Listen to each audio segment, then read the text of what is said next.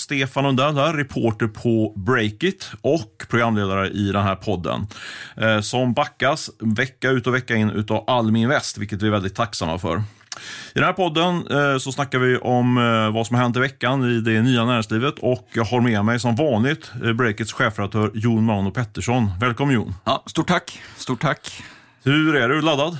Ja men det är jag. Jag har inte varit på redaktionen nu på två dagar. Jag har varit på väg på lite annat sådär. Så nu är man tillbaka igen, träffar alla kollegor och liksom nyhetspulsen. Så nej men bra energi känner jag. Ute på väg på chefskonferens va? Så vi, vi, vi Ja, vanliga precis. anställda är väldigt nyfikna på vad som händer. Mm, men det är så här, det som händer där, det stannar där liksom. Så det, Är det så? ja, men lite grann är det så. Här. Det var liksom ett av liksom, spelreglerna som, han, eh, som vi hade den här konferensen med satte upp, liksom, att eh, sekretess. Liksom. Men det är klart, man kan ju avslöja lite grann. Men jag, jag tror inte det är så poddmaterial riktigt så. Liksom. Nej, men det är bra. Det är eh, bra. Skulle bara avslutat där och sagt att du får inte avslöja någonting. Ja. Mycket spännande. Nej, men det där ska jag pumpa dig på lunchen kanske om vad, vad som hände egentligen. Men du, ehm, vi har ju uppdelat i tre segment. Veckans möte, veckans snackisar och veckans köp och sälj. Jag tänkte du skulle börja då med veckans möte. Vad är ditt möte? Mm. Nej, men jag har haft flera bra möten den här veckan tycker jag, men mitt mest givande möte var nog ändå med Thomas Mattsson, Expressens eh, tidigare chefredaktör, som du väl också känner. Absolut, klassisk person. Ja, verkligen. Nej, men så här. Eh, I fredags, eller i torsdags natt, kom ju nyheten om att rapparen Einar skjutits ihjäl. Uh, vilket blev en jättenyhet liksom, i svenska medier såklart och liksom, på hela internet och så. Och även för mig ganska mycket. Jag har ju följt liksom, hiphop musikgenren väldigt mycket genom åren och lyssnat på som konsument men också skrivit sådär. Du är ju en super... Du är en, en, en expert inom, inom rapmusiken, Ja, men det vet jag inte, men kanske lite ändå jämfört med Ja, du många andra något, journalister i eh, alla fall. bok kan jag med då? Ja, men lite researcherjobb sådär, men inte släppt någon egen bok om det i alla fall. Men det hade man kanske gjort om man inte hade hamnat på Breakit. Det är inte omöjligt, men man får ju välja lite sina, sina fokusområden sådär. Men i alla fall, eh, Thomas Mattsson han är ju en av liksom, Sveriges främsta liksom, utgivare liksom, som har koll på liksom, vad kan man publicera och inte, namnpubliceringar och sådär.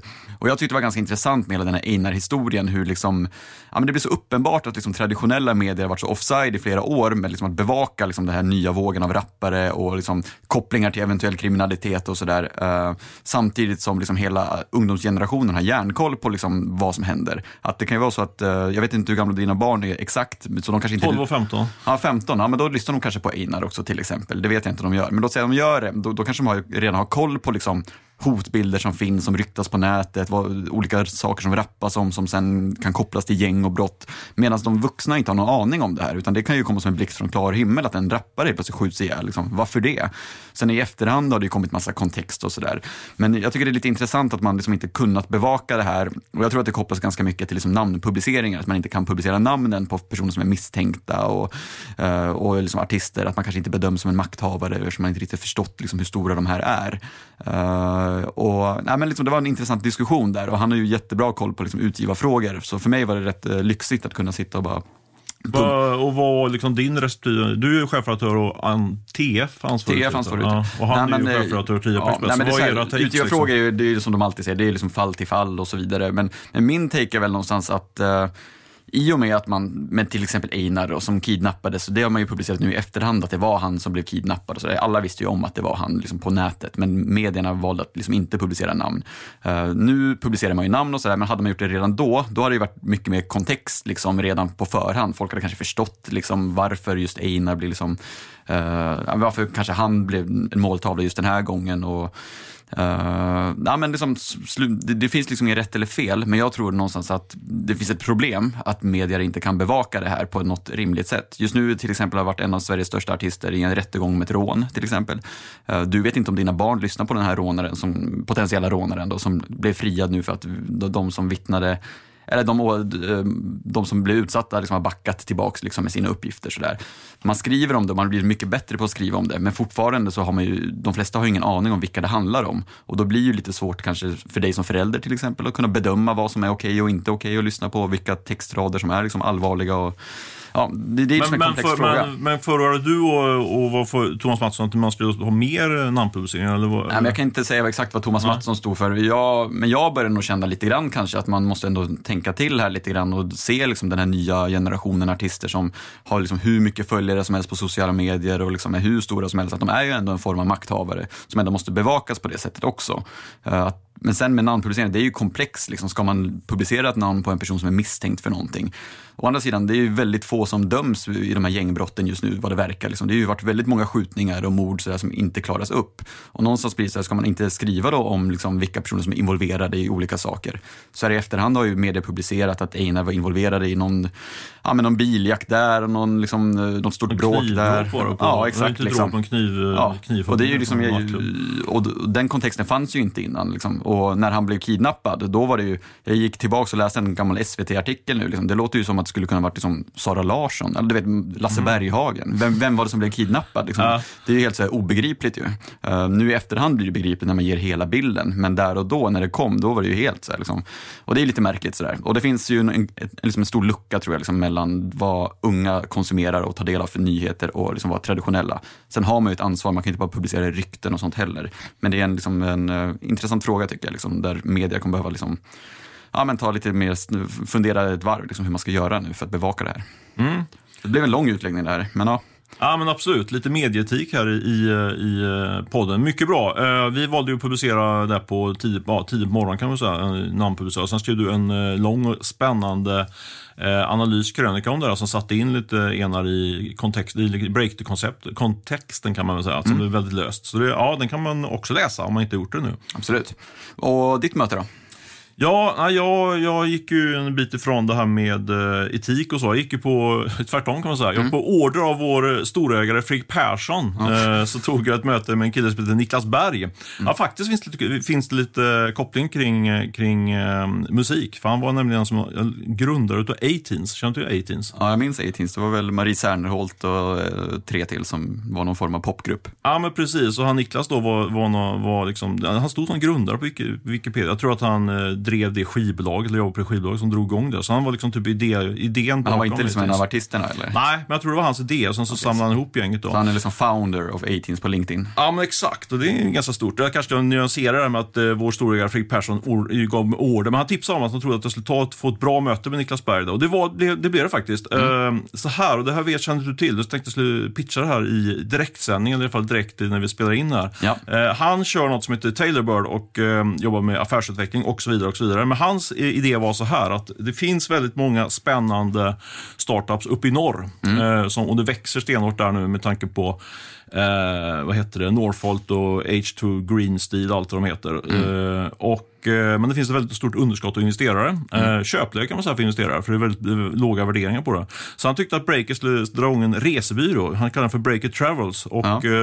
idén skulle vara att vi skulle samla ihop ett gäng investerare, dra upp dit under två dygn och dels såklart besöka Northvolt och sådär, men framförallt då låta de här investerarna pitcha för, eller tvärtom då, få de här heta Norrlandsentreprenörerna skulle få pitcha för, för vår, våra investerare. Så skulle vi ta lite betalt för det här också. Vad tror du? Är det en bra idé? Jag tänker lite grann utifrån ditt det här Ja, nej, men jag tycker väl det är ganska hett ändå, liksom, sett till liksom Breaks vision, att vi ändå vill, eller vision, men vi vill komma ut i landet mer och vi vill fånga upp de här bolagen som kanske inte är på vår radar heller, i och med att de är långt borta och vi sitter i Stockholm. Sådär.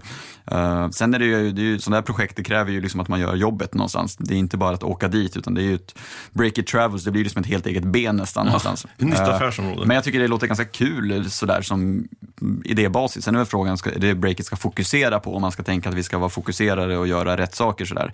Men eh, varför inte ett partnerskap kanske då? Liksom att det är någon annan som eh, roddar med allt roddande, men Breakit eh, sourcar fram liksom investerarna och bolagen och liksom är med där i skuggorna. Liksom, kanske. Ja. Jag vet inte. Kul. Vad tycker du? du, ja, men jag funderar just på det här. Det, det var det jag sa till, till eh, Niklas där, att du måste fundera på rent det journalistiska kring det. Liksom, om, Mm. om vi kan vara en, någon form av, vi blir nästan som en liten eh, mäklare då kanske potentiellt. Men eh, samtidigt så tycker jag ju om vi är väldigt öppna och transparenta med det och liksom, eh, alla får följa med som vill och så vidare. Så, ja, då tror jag det är fine. Men jag sa att jag skulle ta upp det med dig först för att få lite koll på Mm. Nej, det. man får väl se liksom vilken typ av, det kanske inte blir så mycket journalistik av de där resorna heller. Det kanske bara blir att vi bygger vårt nätverk som i sin tur kommer leda till bättre och mer journalistik bland våra liksom, redaktion. Sådär.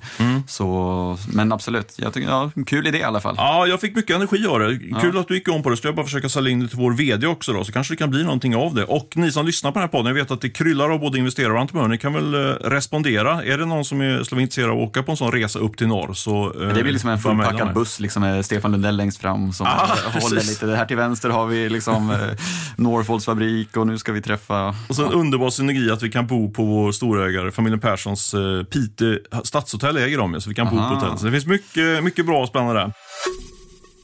Du, apropå eh, kommersiella kopplingar och så vidare så ska jag säga att vi den här veckan också har med oss en sponsor som heter Tele2 Företag. Det är eh, så att de är med oss som sponsor denna vecka och vi ska nu snacka lite hållbarhet. Telekomoperatören och integratören Tele2 satsar nämligen stenhårt på 5G och 5G kan faktiskt vara en del av lösningen av klimatfrågan. Eh, tack vare 5G-tekniken så minskar ju energiförbrukningen rejält och tekniken öppnar också faktiskt, som inte jag känner till, för en rad nya innovationer som i sig kan bidra till ett mer hållbart eh, Sverige och hållbara lösningar. Här vill Tele2 Företag vara partner och rådgivare till dig som är intresserad av de här områdena. Som ett första steg, surfa in på tele2.se företag så får du veta mer om hur 5G kan hjälpa både ditt företag och inte minst vår planet. Gör det nu! Det var meddelandet från vår sponsor Tele2 Företag och nu ska vi gå in på vårt nästa segment som är veckans snackis. Yes, jag tycker att veckans första snackis faktiskt är Samir El Sabini på fintechbolaget Juni. Jag har nämligen lagt orimligt mycket tid på att läsa bolagsordningar, flera stycken, och nyemissionshandlingar som har rullat in till Bolagsverket. Det här vet du inte om Jon, men jag har lagt ner ungefär 16 timmar på det här jobbet och anlitat en jurist, gratis dock, men ändå. Och då tänkte jag börja med att fråga innan vi går in på den här snackisen. Tror du att det var väl investerad tid? Du har ju precis lagt ut en text i det här ämnet. Mm, ja, men bra fråga. Du, jag har ju hört dig på ganska många morgonmöten nu berätta om att du sitter med de här liksom, värderingen i juni ungefär liksom, och tittar på vad det här eh, fintechbolaget är värt som växer väldigt snabbt. Sådär. Uh, jag tycker det är spännande, men någonstans Får man dra gränsen? Någonstans måste man dra gränsen. Nej, men det- in- 16 timmar, det är inte helt orimligt, men det beror lite på vad slutresultatet blir också såklart. Och målbilden. Det är ganska smal, det är inte liksom en granskning som kommer liksom slå igenom brett om man säger så, utan det här är ju liksom en riktig premiumgranskning för kärnmålgruppen kan man säga. Verkligen. Jag ser att redan 300, jag tittar realtid här, har varit inne och läst den av våra premieläsare, vilket är en helt okej siffra så här eftersom det bara lades ut för ett par minuter sedan. Så det tuggar på där. Eh, nej, men jag tycker att det är relevant såklart och det blir ännu mer relevant eftersom jag kan ta upp det som en härlig synergi här i podden. Eh, och anledningen till att jag, jag tycker att det är, är liksom, för det är verkligen anmärkningsvärt kring Juni, eh, det är, kan vi slå fast här då efter jag gjort den här granskningen ihop med den här juristen, att det är någon form av svenskt rekord i värdetillväxt. Eh, på tre månader så har det här bolaget ökat i värde med 2 miljarder kronor. Och det är ett företag som, som har en väldigt, väldigt blygsam omsättning och startades då egentligen bara för något år sedan. Så det, det är anmärkningsvärt. Lite, kan bara kasta in en liten, liten rättelse. Vi sa i podden förra veckan att, eh, att de, de var förrförra, att de hade en värdering på 1,6 miljarder kronor. Men det är det inte, utan det var 3 miljarder kronor. Vilket jag tycker är jag ska säga, rätt sanslöst faktiskt. 3 miljarder på ett sånt, på ett sånt ändå oprovat bolag. Har du sagt nu vad bolaget gör för någonting eller har vi bara gasat förbi det? Om jag ska försöka förklara vad de gör för något så är det så att de, det är en tjänst till e-handlare eh, som får en, eh, någon form av liksom eh, dashboard eller överblick över alla sina eh, investeringar i olika eh, marknadsföringskanaler som Facebook, Instagram och sådär. Eh, och det, är en, det där är en utmaning tydligen för e-handlarna att hålla koll på alla, alla kort de ska betala med och så vidare. och så vidare. Nu får de typ ett samlat kort som de kan pröjsa med. Eh, det är liksom första delen. Men sen så är en steg två i Junis affärsidé är att man, när man har så här bra koll på e-handlarnas eh, ekonomiska flöden i form av deras investeringar och så, de ser hur det konverterar till köp och sådär, så kommer de kunna erbjuda eh, korta krediter också. Det är de på gång att göra redan i Storbritannien. Så det, det tror jag är den stora uppsidan i det här bolaget. Yes, ja, men jag ville bara bryta av det. Men fortsätt, vad mer har du hittat eller vad, vad är nästa steg i det? Nej, men alltså, när jag var klar med artikeln, den var jag faktiskt för två dagar sedan. Då skickade jag ut den till, för jag, ville, jag kände att det här ville jag ha lite mer respons på. Jag gör det ganska ofta nu mera, att jag skickar ut det till folk som har bra, bättre koll än mig. Så jag har faktiskt låtit eh, tre, det var till och med fyra av Sveriges största techinvesterare läsa texten innan eh, den publicerades. Innan du läste den faktiskt tror jag till och med.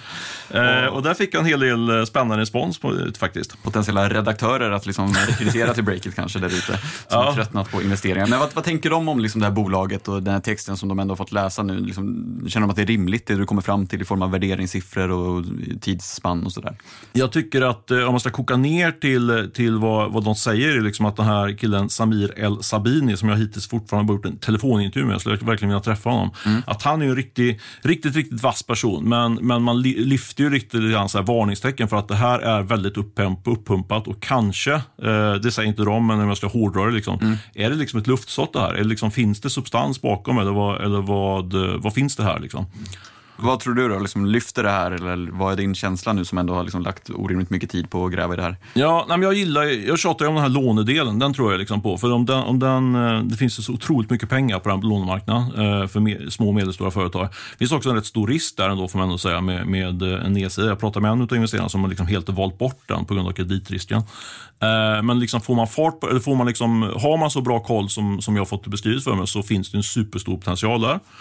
Men det som jag tycker ändå gör att man eh, blir lite så tveksam då, det är, ju, det är ju det vi hittar kring eh, Samir och hans medgrundare Anders Orsedal heter han. Mm. Eh, och som visar att de sannolikt då redan har börjat casha in eh, i det här bolaget. Alltså drygt ett år efteråt så har de sålt aktier för nästan 27 miljoner kronor. Sannolikt ska jag säga. Okay.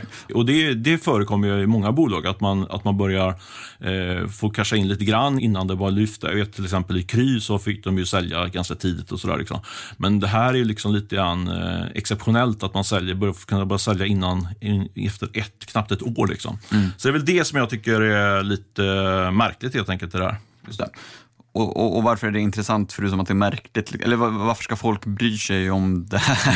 Nej men det, Nej, men, det är ju spännande liksom. Ja. Men någonstans är det ganska smalt. Liksom. Det är värt 3 miljarder, de har sålt för 27 miljoner eventuellt då, sannolikt mm. kanske vi ska säga. Uh, men vad, vad, får dig ändå att liksom gå igång på det här, förutom liksom detektivarbetet då? Nej, men det är väl två saker. Dels är jag ju så skadad att jag går igång på den själva, den själva detaljerade storyn kring bara dem. Jag tycker det är fascinerande som, mm. som entreprenör själv. Men om man liksom lyfter blicken lite grann Eh, och tittar på det här så tror jag att det här är ett tecken på att maktbalansen på något sätt har börjat förskjutas från investerare till eh, entreprenörer. Och den förskjutningen har vi sett under lång tid och det är på grund av att det finns mycket kapital i marknaden och så vidare. Eh, men det här blir liksom ändå en ny, ny dimension av det. Liksom. För dels så ser man att de här preferensaktierna som finns i den här dealen, de har väldigt snälla villkor kan man säga. Det är ett sätt då för investerarna att försäkra sig om en del av pengarna om det skulle gå dåligt eh, eller om det inte går så bra som man hoppas på. Men det är ganska snälla villkor. Och sen då framförallt då att grundarna då, eh, som det ser ut, eh, redan har börjat kunna casha in. Liksom.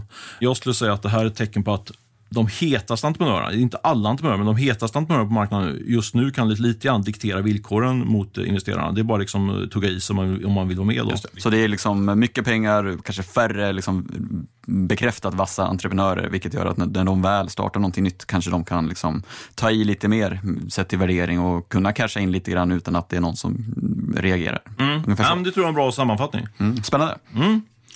Du, eh, vi går vidare på snackis nummer två. Jag tycker att vi ska prata om eh, Desenio som kom med en rapport här i veckan och deras vd Fredrik Palm. Du kan väl dra lite grann? ja, men absolut. Jag har ju som sagt varit bortkopplad lite från redaktionen, men läste ändå den här nyheten liksom med spänning sådär.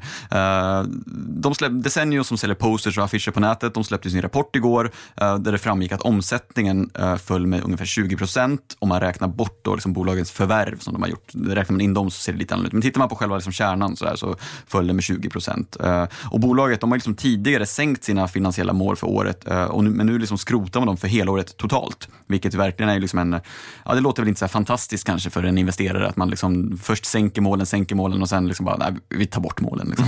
Så det, nej, vi struntar i det. Ja, så det, det, är lite liksom oroväckande såklart. Och det syntes på marknaden också. Kursen föll med 26 procent och från toppen i maj, eller i våras i alla fall, så tror jag att det har sjunkit liksom 83 procent någonting sådär för bolaget. Uh, och det, det är ju såklart anmärkningsvärt, liksom något som gick så sjukt bra under pandemin. Eh, förmodligen för att folk ville liksom pimpa sina hem med lite affischer och sånt. Eh, men sen kanske man inte riktigt hade det behovet, eventuellt. Eller så någon annan orsak, jag vet inte. Vad tänker du? Nej, men jag, jag gick och funderade hela dagen igår faktiskt på att försöka skriva någonting kring mm. det här. Uh, men kom aldrig riktigt till skott. Jag tyckte jag hade en ganska rolig, det var nog min, uh, min då, då uh, nyhetschef Olle Aronsson, tillika medgrundare. Man hoppade in och, efter när du var borta. Mm. Han hade ju arbetsrubriken Skilda världar. För jag mm. tror att det håller på att bildas ett, man kan säga lite A och B-lag på, på börsen nu bland e-handlarna. För samtidigt som, som decennier kommer de här riktiga katastrofrapporterna, som man säger, så kommer Lyko, mm. som säljer skönhetsprylar på nätet. Med en riktigt bra rapport. Eh, dubblar marginalen, stark tillväxt och gick upp kraftigt på börsen. Då. Eh, och sen så som lite krydda, då, så jag ringde Rickard Lyko i, i jakten här på att kunna skriva någonting. Så mm. fick jag tag på honom. Då hade jag sett precis på en intervju med, eh, med Fredrik Palm, decennium. Han satt i ett ganska eh, lite deppigt på något sätt ändå vardagsrum hemma och gjorde intervjun. Och då ringde jag, ringde upp Rickard Lyko och då svarade han från eh, franska Riviera. Han var i Cannes då okay. på konferens. Ja. Liksom. Så det var, det, jag såg att där finns det någonting att bygga en story på. Eh, men jag kom aldrig till skott kan man säga. Nej, och varför inte? Ja, men för det var, eh, jag, jag jobbade vidare på det där eh, caset och jag kände kanske att jag inte kan... Ja, jag tycker fortfarande, som jag var inne på förra podden, att jag tycker det är svårt att, att sätta ner foten kring e-handlarna, var de är på väg. Liksom, sådär. Eh, så jag tyckte inte jag hade den här riktigt tydliga vinkeln. Eh, och så hade jag en sak till då, det var att Frick Palm under den här telefonintervjun då, som jag lyssnade på, nämnde att de tappar ju 20% på sin, precis som du sa, och sin, eh, sin liksom grundverksamhet. Då. Men samtidigt hävdar han att de har tagit marknadsandelar. Och Det tyckte jag var intressant, för det innebär att den här affisch och planschverksamheten, då, eh, marknaden, då, skulle ha gått ner med 25-30% kanske. Det, där, det där var någonting som jag gjorde mig nyfiken och då slog okay. det mig att, eh, att vi har skrivit om faktiskt flera så här decennieutmanare, bland annat ett bolag som heter Posterton, tror jag de uttalar Posterton kanske man säger. Ja. Uh, inte Poster, Posterton, jag måste vara lite engelsktalande här. Vi skrev om det för ett par månader sedan vet jag. Uh, det var en kille som heter Mattias Skog som drog igång det. Han var tidigare vd, eller vice vd för Poster Store som, som Desenio köptes, köpte upp. Då. Hoppade av där innan det köpet och, eh, och drog igång, tagit in 20-25 miljoner i riskkapital. Så jag menar, det är liksom en, en potentiellt en hyggligt substantiell spelare på den här marknaden. Mm. Så jag ringde honom helt enkelt och kollade liksom, om han kände igen sig där. Och han hade, han hade suttit och lyssnat på, på, på, de här, på den här intervjun med Fredrik Palm och även läst rapporten noga såklart. Eh, och det som han sa till mig var att han kände inte riktigt igen sig i den här bilden då så, som Fredrik Palm sa att marknaden var ner över 20 eh, procent. För tittar han på sina siffror så, så och, Visserligen då från låga nivåer ska man vara tydlig med och det var, och det var Mattias Skog också tydlig med att punktera. Men han sa att de har ökat då. Han har sett nedgången under sommaren precis som Desennier och vinstvarnar för. Men från juli och framåt så har de månad för månad ökat försäljningen med 50% månad för månad. Det är ju en väldigt, väldigt bra tillväxt. Liksom. Mm. Och, eh, han, jag frågade vad, vad beror det här på då? Och han menar liksom att det kan vara, han var ju väldigt liksom för, han vill inte kasta skit för mycket på decennier, men han sa mellan raderna så att de var, kanske börjar bli lite trögrörliga. De är mycket, mycket större och, eh, och han, om man tittar liksom på hur deras produkt ser ut och hur de jobbar med marknadsföring och så, så såg han liksom en viss, eh, viss så här liksom, eh, dinosauriekänsla om man får vara lite taskig. Just det. Så två lite olika bilder ändå av liksom hur marknaden, marknaden mår i just det här segmentet. Och vad, har Fredrik Palm fel eller är det liksom bara att eh, Everton käkar marknadsandelar av eh, Desenio och att Palm har rätt om att marknaden krymper? Vad, vad tror du? Ja, men det, det reser ju lite frågor ändå. Liksom. Eh, för Fripp Palm eh, spelar upp att han, han har väldigt bra massa data på det här och, och liksom bra insyn på marknaden. och, så och det, det, har han väl, sådär. men samtidigt en Posterton är ändå, liksom, visst en liten spelare kanske omsätter sådär 10 miljoner i år jämfört med 1 miljard då för, för Desenio. Så, så det kan ju bara vara så att det går väldigt bra, precis som du säger, för dem, men, inte, men övriga marknaden går dåligt. då. Men ja, Jag tyckte ändå det var lite intressant eh, inblick i det där, hur, hur, hur, eh, en nyans liksom på det där som jag tyckte var värt att gräva vidare i. Sen kan man ju notera då att, att eh, Posterton är ju inte ensamma. Då. Det finns ju en rad eh, nya spelare på, på den här marknaden. Och vi, ja, vi snackade ju förra veckan om Joakim Fridman där på Sporta Målgrundan. Han har ju tagit in 25-30 miljoner tror jag för att starta, då, som vi kallar det, för en decenniodöja. Kanske lite hårdvinklat då, men det, det dyker upp på många mm. olika håll och kanter. Och jag noterar att eh, Decennios eh, marginal är ju liksom, den har ju verkligen gått ner kraftigt. Mm. Och när de köpte det här Poster Store, som jag sa, nämnde tidigare, mm. då var ju liksom eh, spelet där, som det man spelade upp var att man skulle få upp marginalerna och nu är de liksom halverade. Så det, ja, det, är, det är någonting som inte riktigt funkar liksom, mm. i decenniummaskineriet skulle jag säga. Just det. Och sen innan vi gick in här så berättade du något om att du skulle liksom, uh, dra någon anekdot också om uh, Fredrik Palm. Jag är inte helt med på exakt vad den skulle handla om, men jag tänker, jag bara bollar över till dig får du liksom dra den här anekdoten som ja. du har sett fram emot att berätta. Ja, men precis. Ja, men jag hörde det här för, för några veckor sedan på en lunch och eh, jag har kollat upp den också. Det, det finns täckning på det här. Jag måste ja, lite grann till min, till min besvikelse erkänna också att det har skrivits om detta, men det var så mm. länge sedan, så det, det, känns som det är nytt i alla fall. Mm. Jo, Fredrik Palm, han, eh, han jobbar ju på som, som så kallad Luma på Viasat. Du känner till det här begreppet Lumor? Gör du? Nej, inte riktigt. Ja, men det var ju så, I Stenbecksfären så ja. hade man något som kallas för Lumor. Eh, man kunde vara, och det var i princip traineer, men man mm. kallas för Luma för att man var den som tände, och släckte, tände först på morgonen och släckte på, på, på kvällen. Liksom. okay. Och man skulle också kunna vara den som, eh, som bytte ut Luma-lamporna. Liksom. Man gjorde ja. allt. Liksom. Och Sen så startade man bolag hejvilt och sådär. Så man fick göra högt och lågt. Men han då eh, var i Luma och en mycket ambitiös sådan såklart. Eh, och han blev bland annat ansvarig för något som var väldigt kontroversiellt. Det här var ju, går ju ett antal år tillbaka i tiden, men Trustorhärvan har du säkert känt, hört om? Ja, absolut. Eh, och den, det, var, det var Joakim Postner som var mannen bakom tröstehörnan och han är ju fortfarande, jagas ju fortfarande, han är ju på fri fot eh, och då för ett antal år sedan så skulle han ge ut en bok faktiskt, eh, Joakim Postner. Och han gav ju också någon, jag tror han gjorde en intervju med någon på TV3. Mm. Eh, eh, René Nyberg var det nu, om jag ska dra om alla, ah. för, för, dra, dra iväg helt och hållet i något helt annat. Du vill vara lite så här Filip och Fredrik och namedroppa kändisar? Ja, liksom, men det är underbart. Det är underbart. Mm. Uh, henne skulle jag, ja, nej, det ska vi inte gå in på. Men hur som helst, uh, så det var storyn. Uh, han var alltså ansvarig för det här på, från Viasat uh, och liksom och marknadsför det här kan man säga. Ja. och då var det så att han gav sig ut kan man säga på styva linan lite väl långt. Eh, han kontaktade faktiskt en gammal kollega till mig, Fredrik Sjösult på Dagens Industri. Han är numera kriminalreporter på Expressen. Ja. Och med erbjudandet då till, till Fredrik Sjösult att han skulle kunna få intervjua Joakim Postner. Mm. Och då skulle Dagens Industri få betala 100 000 för det här. Dagens Industri ska betala 100 000 för att få intervjua Joakim Postner? Ja, precis. Okay. En, en, liksom efter, en av Sveriges mest efterspanade ekobrottslingar. Okay, men han var stekhet då, liksom, eller? Superhet. Nej, okay. Den intervjun var ju superhet. Liksom, verkligen. Mm. Men, men Fredrik Sjö, han ringde fel person alltså. Fredrik Sjöstedt han spelade såklart in det här samtalet. Ja. Det hade jag aldrig gjort. Men han, han är på en helt annan nivå med Fredrik. Eh, och det var ju såklart inte på tal, för det, jag menar, det fanns ju massa variabler här. För, för han var ju försatt personen på konkurs. Så frågade han vad skulle pengarna gå till då? Skulle han mm. skulle gå till konkursboet? Och då, han, han vecklade in sig då, Fredrik, eh, Fredrik Palmer, att nej, det är nog inte konkursboet som får Du kan själv tänka var pengarna går. All vet. Så, mm. Han gjorde bort sig riktigt mycket där. Eh, och det där läckte ut då eh, och eh, innebar att Fredrik fick, eh, först trodde man kicken från, från sitt jobb då. Ja. Men han fick, vad jag förstår så fick han åka på, han hemförlovades, fick åka hem sina föräldrar par veckor liksom, tills det lugnade ner sig. Hem till föräldrarna också? Ja, jag tror det var så i alla fall. Ja. Och, eh, men det som han var ung eller då? Eller? Ja, han måste ju varit typ 20 någonting. 20, okay. 22, mm. Det borde jag ta reda på, men ish 20. Ja. Eh, ung och hungrig och duktig och säker på alla sätt och vis, men här gick han lite väl långt. Och slutet på den här storyn är ju då att eh, han hängdes ut lite grann i media från Viasat eh, Kinnevik-håll på, liksom på ledningsnivå. Liksom. Mm. Eh, och det där väckte lite sympatier bland alla andra på, på, i Stenbecksfären. Så det slutade med att han på julfesten valdes till årets anställd. På, och jag tror att det var de anställda liksom, som röstade fram honom då. Så. Mm. så jag vet inte, vad ska man säga? Slutet gott, allting gott. Ja, men något sånt kanske. Jag vet inte. ja, men spännande. Det hade jag inte hört. Så det var en kul anekdot. Ja, hyggligt bra story ändå. Det tycker jag. Veckans vinnare och förlorare. Ska du börja med eh, veckans, vad ska vi ta, förlorare?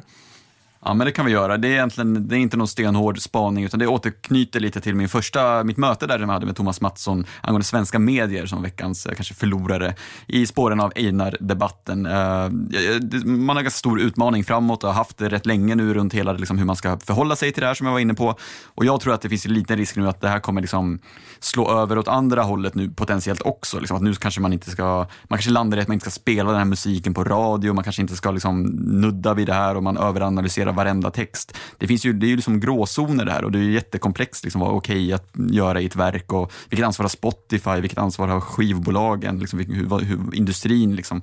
Det finns så många liksom, bottnar och aspekter i det här. Och, Uh, det kommer vara komplext liksom, och det, det, finns ju en risk att när, liksom, när uh, trumman börjar slå, liksom, att det då drar det iväg ganska snabbt åt olika håll. Liksom. Så vi får se om man lyckas landa i något ganska nyanserat och bra, liksom, eller om det bara får överslag åt något helt annat håll. Uh, jag tycker det är ganska spännande, både liksom, medieetik och sådär, men också liksom, för musikindustrin i stort. Så, så det är väl veckans sälj på något sätt. Liksom. På svenska medier helt enkelt? Ja. Exklusive Breakit? Exklusive oss, såklart. Bra. jag tar veckans vinnare så har vi något att se fram emot sen veckans förlorare. Det känns som att våra lyssnare gillar bättre med förlorare än mm. vinnare. Jag vet inte. De, ja. kanske de kanske inte lika cyniska som jag. Men min veckans vinnare är ju en riktig klassiker. Lage Jonasson, eh, den här bankiren som, eh, som sig in i tech, eh, tech-segmentet. Det var liksom, en ganska darrig start. Vi skrev ju om det här för ett par år sedan var det nu. Han investerade i något som heter Urbit. Som, ja.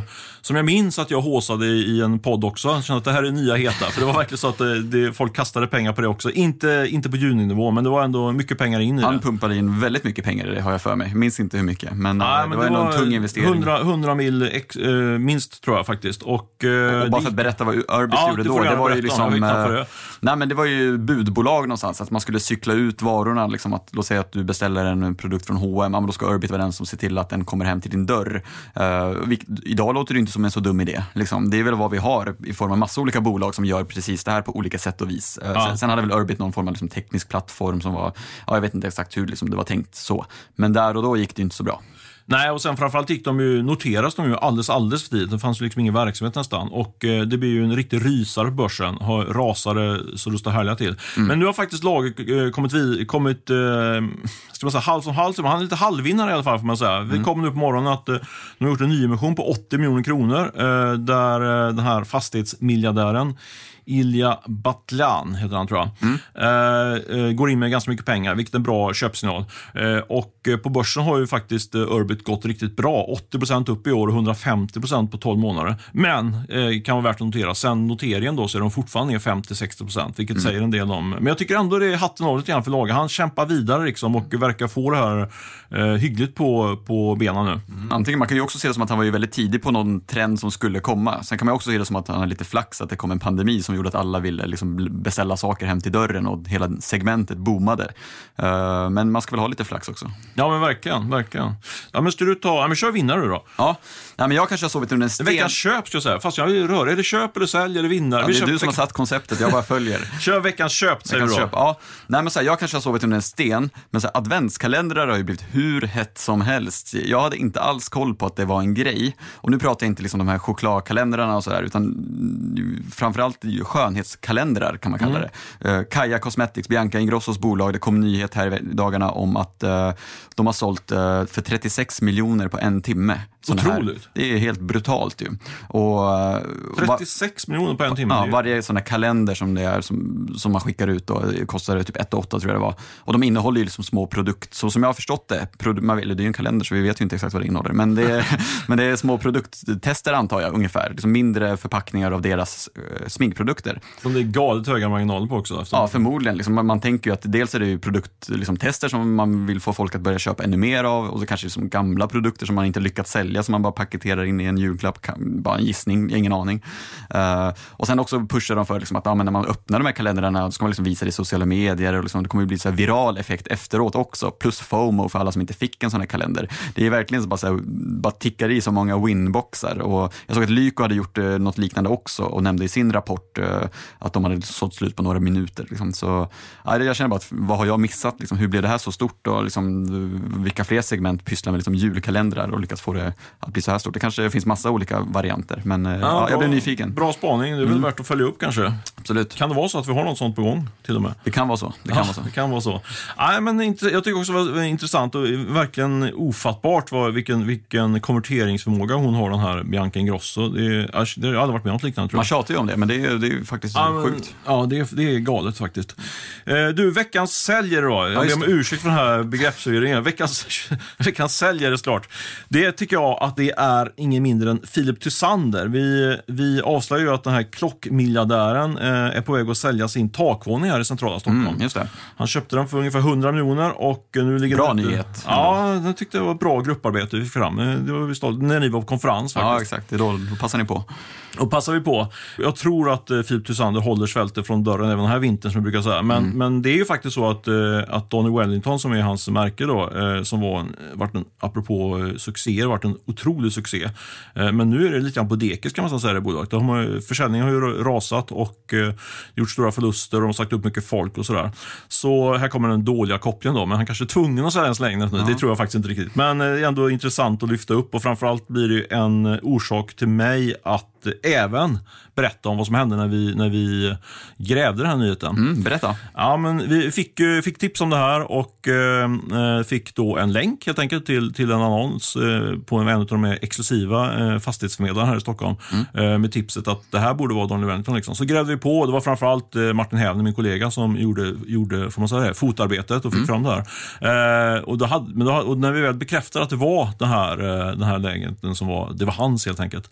Eh, då ringde Martin upp igen och skulle få en, eh, ja, låta mäklaren i alla fall bekräfta eller dementera, göra vad han vill. Liksom. Och han blev helt galen. Han skrek åt honom och sa Okej. att det, det stämmer inte, det stämmer inte. Och då frågade, sa Martin såklart, om ligger, annonsen ligger ute på sajten ja. Eh, ja, men det, då vill han inte säga någonting och så la, slängde han på luren i stort sett. Och några minuter efter det så var, var, var eh, annonsen borttagen från, från sajten. Men då hade vi hunnit ta skärmdumpar. Så han dementerade ju egentligen. Ja, helt, men, men det var ju lite märkligt dementi. Panikdementi. Panikdementi. Och jag tror ju, min, min tes är att egentligen är det kanske att den här mäklaren är den stora veckans sälj. För jag tror att det finns en risk att Filip Tysander som verkligen hatar publicitet har nu lagt över uppdraget till någon annan mäklare. Det vet jag inte, men jag, skulle, jag kan bara tänka mig vad som hade hänt eh, i, under den här tiden vi grävde på det här. Just och, så en fet provision flög iväg för mäklarens ögon när artikeln kom upp på breaket ungefär. Ja, men lite så. Det var nog därför, därav paniken. Ja, jag förstår. Ja, men det är tufft, men så kan det vara. Eh, bra, är vi klara här eller? Ja, men jag tycker vi ser det faktiskt. Vi måste säga att vi har en ansvarig utgivare nu, har haft så mycket publicistiska diskussioner här, så det är viktigt att påpeka, påpeka att det är Olle Aronsson som är ansvarig utgivare.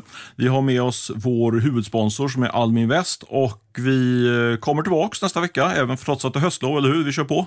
Vi kör alltid på, absolut. Ja, det är bra. Ha det så bra så dess. Ha det bra, ciao!